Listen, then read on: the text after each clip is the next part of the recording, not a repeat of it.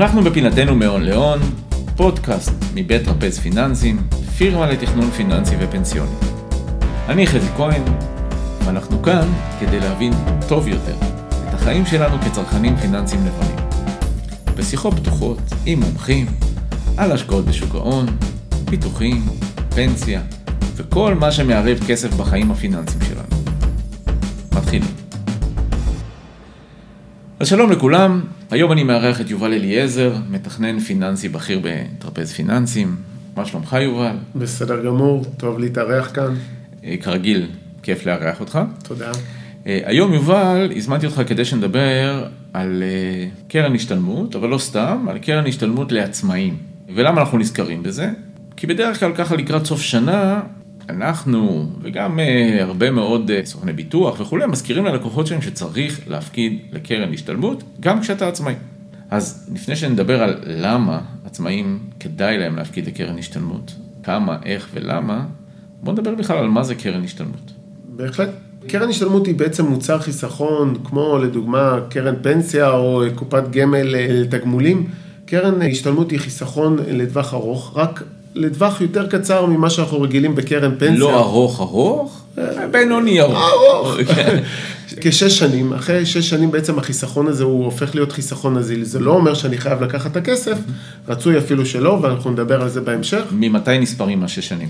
מההפקדה הראשונה. מההפקדה הראשונה, ביצעתי הפקדה ראשונה, גם אם לא ביצעתי לאחר מכן עוד הפקדות, השעון חול מתחיל לתקתק, ובעצם הוותק שלי מתחיל להיספר. ואז אחרי שש שנים, אני יכול לקחת את הכסף, האם מומלץ או לא, נדבר על זה בהמשך. אז למה עצמאים צריכים קרן השתלמות? שאלה... הרי זה לא משהו שרק שכירים יש להם? שאלה מעולה. לא, לא רק שכירים יש להם, גם לעצמאים, וזו אחת ההטבות מס העיקריות שיש לנו כעצמאים, ואני אדבר פה לעצמאי לעצמאי. שתי הרגליים העיקריות של ההטבות בעצם נוגעות בשתי נקודות. האחת בעצם זה הפטור ממס רווחי הון. כל עצמאי בעצם יש לו אפשרות ליהנות מפטור מס רווח הון עד להפקדה, נכון להיום לשנת 2021 הפקדה של 18,480.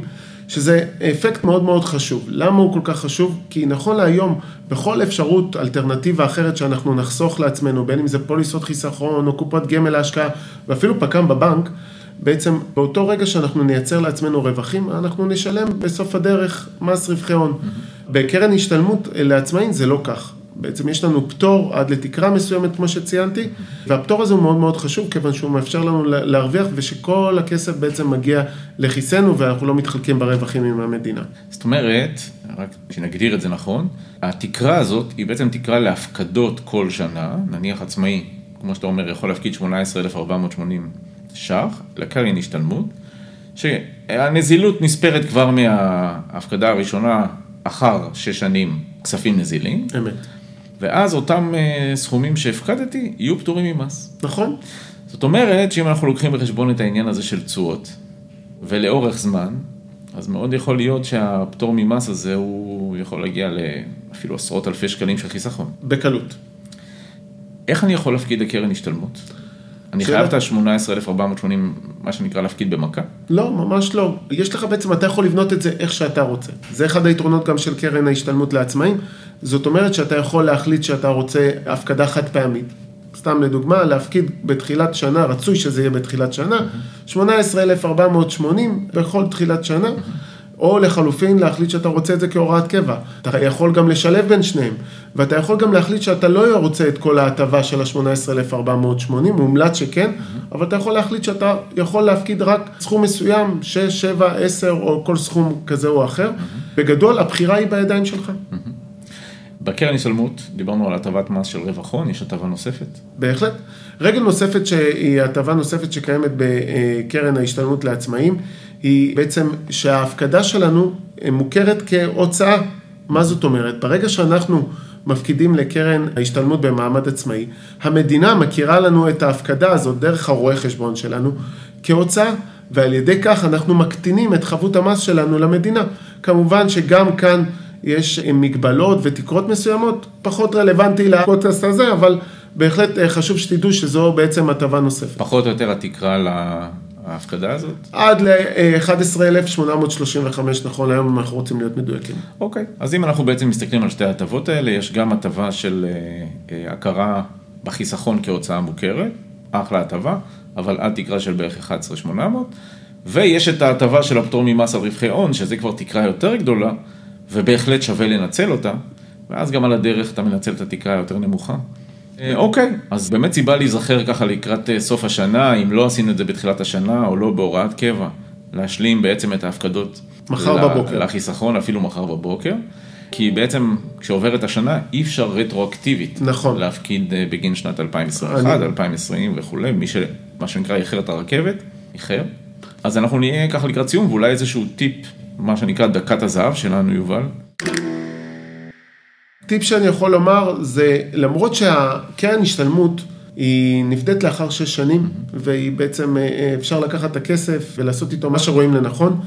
מומלץ לא לגעת בקרן השתלמות ולתת לה להמשיך לרוץ. למה לתת לה להמשיך לרוץ? בקרן ההשתלמות יש אפקט של ריבית דריבית. הכסף שלנו בעצם מייצר תשואה, ואני חייב לומר שהתשואות של קרנות ההשתלמות בדרך כלל בשנים האחרונות הן תשואות נאות, נאמר ככה, וברגע שבעצם הכסף צובר תשואה והתשואה צוברת עוד תשואה, אנחנו מייצרים אפקט של ריבית דריבית. וככל שצברנו סכומים יותר גדולים ואנחנו בעצם נותנים לכסף להמשיך לעבוד, אנחנו מייצרים לעצמנו חיסכון ארוך טווח, פטור ממס רווח הון, בניגוד לכל חיסכון אחר שאנחנו, הוני שאנחנו נייצר לעצמנו, וזה יתרון מאוד מאוד גדול, אז לא להתפתות ולמשוך את זה אחרי שש שנים, לתת לזה לרוץ. אז אולי באמת יותר מהשקעות אחרות, דווקא כשההשקעה הזאת בעצם בסוף פטורה ממס על רווחי הון, זה באמת ההשקעה שהיינו רוצים שתרוץ כמה שיותר. ולפעמים צריך את הכסף קודם, אז אולי אפשר למצוא לזה פתרון בצורת איזושהי הלוואה על חשבון הקרן. יפה, המון המון תודה יובל. בשמחה. אז אני באמת אה, מקווה שתרמנו פה לחבר'ה עצמאיים, לבוא ולשפר את אה, תיק החיסכון שלהם דרך המוצר הזה שנקרא קרן השתלמות. חשוב. סיימנו, עוד פרק של אה, מהון להון, פודקאסט מבית טרפז פיננסי. אפשר למצוא אותנו באפליקציות הפודקאסטים ובדף שלנו, תמצאו אותנו בקלות בגוגל, תקלידו טרפז פיננסי. חוץ מזה, כבר סיפרתם לחברים שלכם עלינו? אם לא, אז עכשיו זה יהיה זמן מצוין לשלוח להם את הקישור לפודקאסט ולדף שלנו. מוזמנים לרשום לנו תגובות בדף הפייסבוק, נושאים שמעניינים אתכם שנדבר עליהם, וכמובן, תמשיכו לפרגן. זה מבחינתנו כיף גדול לקרוא את התגובות והמחמאות שלכם. שוב, תודה יובל. תודה. אני הייתי חזי כהן, תודה רבה ונשתמע.